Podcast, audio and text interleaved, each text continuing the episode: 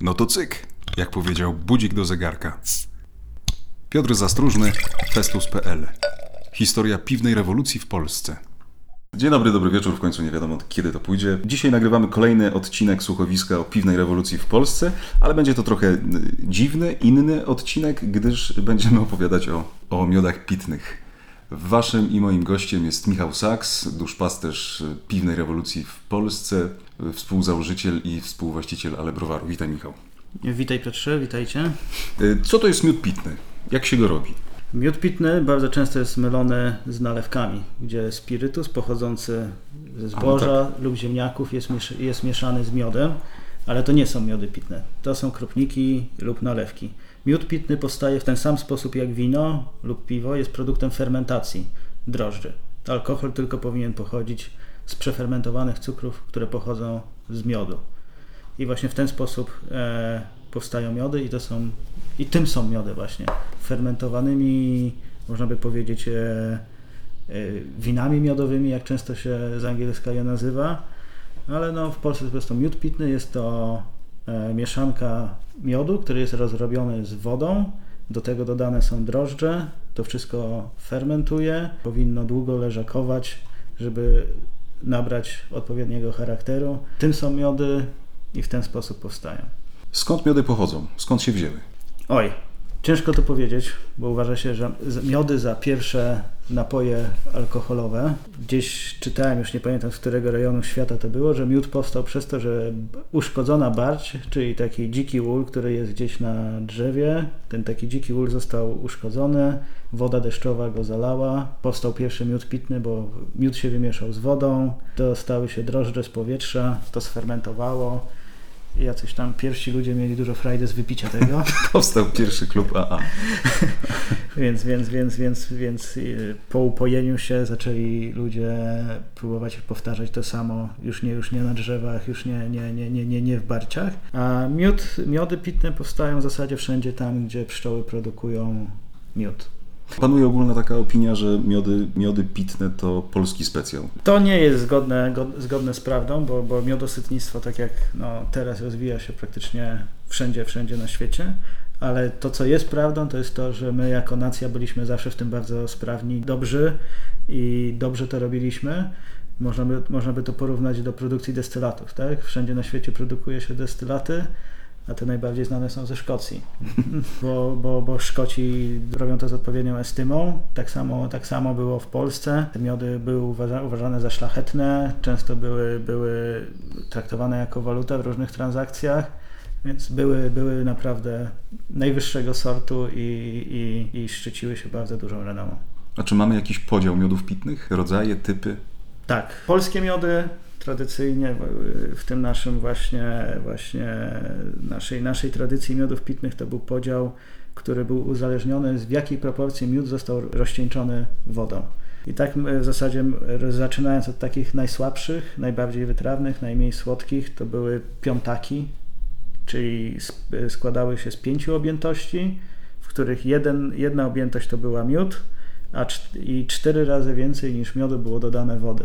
Idąc w górę, czwórniak to cztery objętości, z której jedna to miód, trzy woda, e, trójniak Teraz ja. Jedna miód, dwie wody. dokładnie. Już i teraz te dwa najbardziej szlachetne, czyli dwójniaki, gdzie miód jest robiony jeden do jednego z wodą i półtorak, gdzie na jedną objętość miodu dodana jest pół objętości wody. Te miody są bardzo słodkie, ich produkcja trwa bardzo długo, wymagają bardzo długiego czasu leżakowania. To właśnie one były uznawane za takie najlepsze, nazywane królewskie.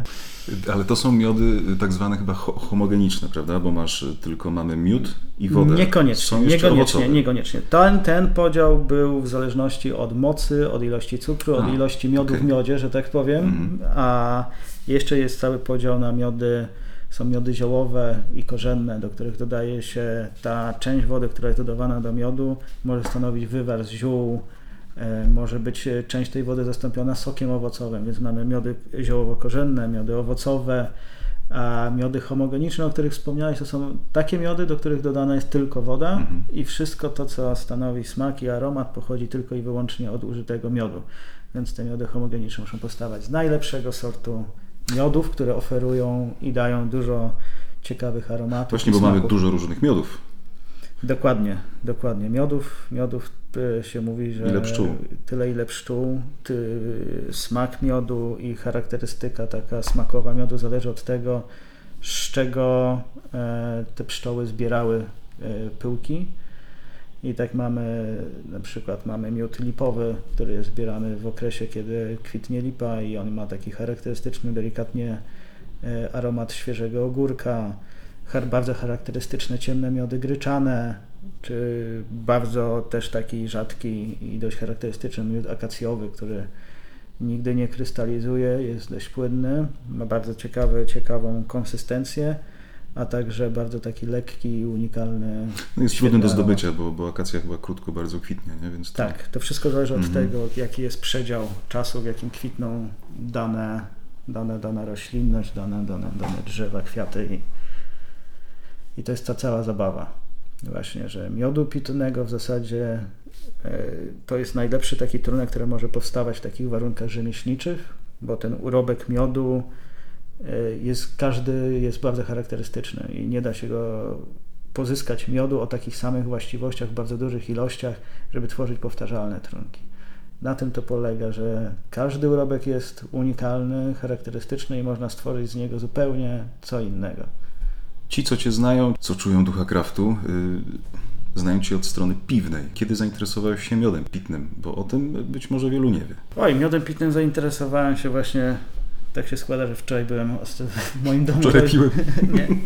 Wczoraj zszedłem do mojej piwniczki w domu rodzinnym, gdzie przygotowywałem pierwsze swoje miody i, i znalazłem butelkę z pierwszego mojego nastawu, która ma, będzie miała dokładnie 10. 10 lat 23 grudnia. Miałem taką tradycję. Nagrywamy audycję 23 grudnia i usłyszymy jeden z najpiękniejszych dźwięków, czyli wyciągany korek z Tak, butelki. to, taką miałem tradycję, że przez wiele lat y, w domu rodzinnym, kiedy były przygotowania do, do świąt Bożego Narodzenia, w przeddzień Wigilii, y, część rodziny uwijała się w kuchni, a ja przygotowywałem nowy nastaw y, miodu pitnego. W przeddzień Wigilii, a w Wigilię otwierałem butelkę nastawu y, sprzed roku. To coś mi się wydaje, bo akurat y, zaraziłeś mnie pasją do, do miodosytnictwa. Y, Mój, nasz, bo pomagałeś mi pierwszy, pierwszy miód zrobić, chyba też gdzieś wi- 23? Tak. Czy przelewaliśmy? Coś się działo y, w Wigilię albo Boże Narodzenie, nie pamiętam. Ale to Maliniak chyba Maliniak, nastawialiśmy tak, właśnie. na- nadal jest pyszny. 23. Musimy sobie go rozlać przed, musimy. przed, przed musimy, świętami. musimy. Miody pitne zainteresowały Cię wcześniej niż Tak, piwo. tak, tak. Yy, To już yy, w, w trakcie studiów mieliśmy laboratoria yy, z Po godzinach pędziliście. z technik fermentacji, na których popełniliśmy wszystkie możliwe błędy, ale z trójką znajomych połknęliśmy bakcyla, zaczęliśmy robić w domu najpierw wina z owoców, które są dostępne w Polsce, a później, kiedy już trochę zdobyliśmy doświadczenia, zaczęliśmy robić miody pitne, a po miodach pojawiło się dopiero piwo.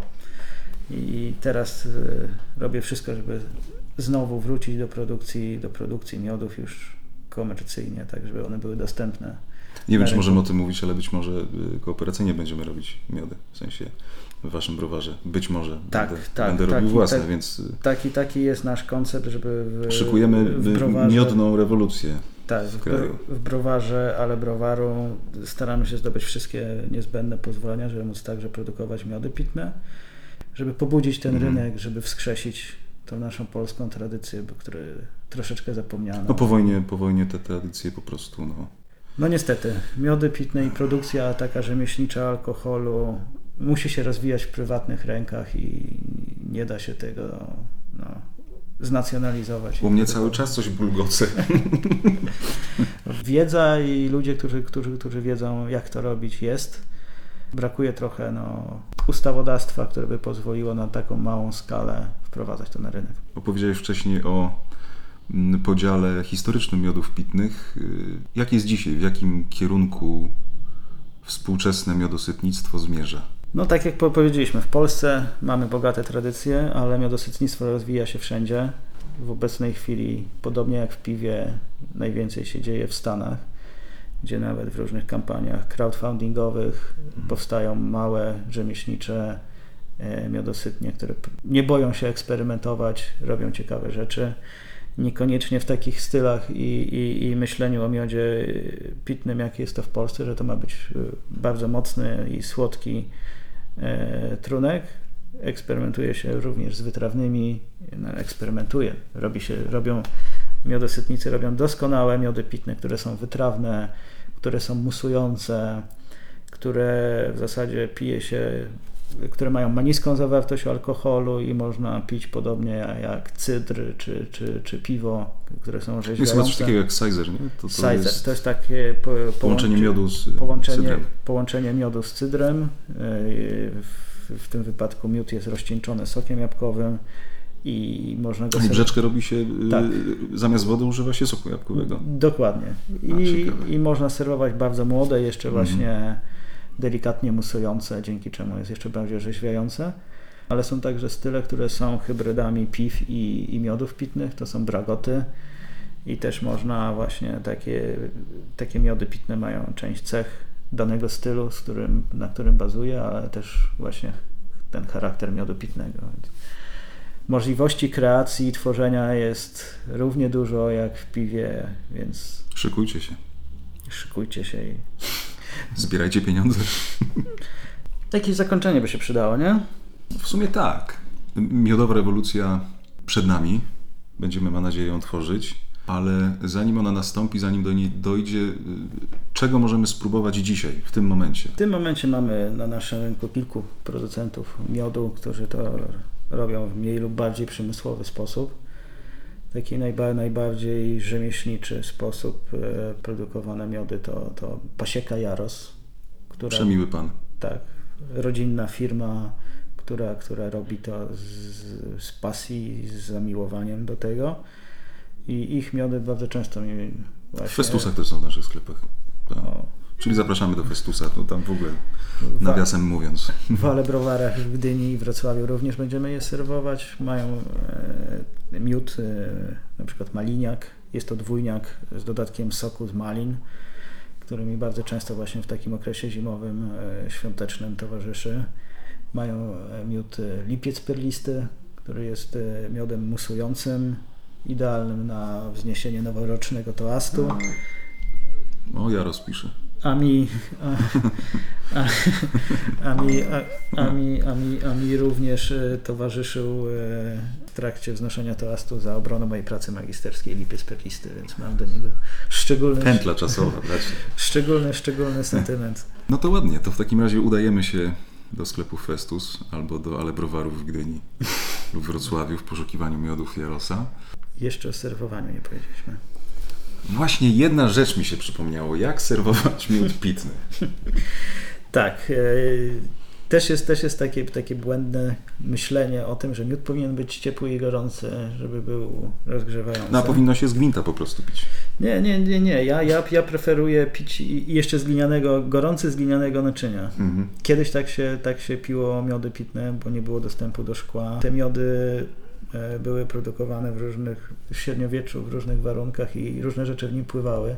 I żeby nie było, nie było, nie, nie było, nie było widać mętności i, i, i- tego, co pływa w miodzie się serwowano w glinianych naczyniach, ale dzisiejsze miody, które są długo leżakowane, e, Są klarowne, piękne. Są klarowne, mają piękne barwy, więc warto, warto na nich zawiesić oko. Czyli normalny kieliszek do wina? tak, normalny kieliszek do wina, e, taki, w którym można dogrzać delikatnie i stopniowo ten miód ciepłem własnej ręki, by jest, jest dla mnie idealnym naczyniem do, do picia miodu. Ale nie, nie, nie, nie wykluczam takich sytuacji, kiedy w bardzo mroźny dzień Zrobić z grzańca po prostu. zro, zro, zrobić, Co za zrobić, zrobić grzańca z, mioda, z miodu i można wtedy serwować y, podgrzany, bo świetnie się sprawdza. Jednak dla takiej degustacji i chęci doceniania niuansów w miodzie najlepiej go serwować w temperaturze pokojowej i delikatnie podgrzewać ciepłem własnej ręki. Zaczyna mnie suszyć.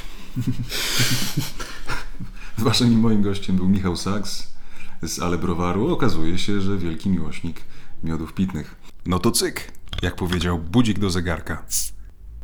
Piotr Zastróżny, Festus.pl Historia piwnej rewolucji w Polsce.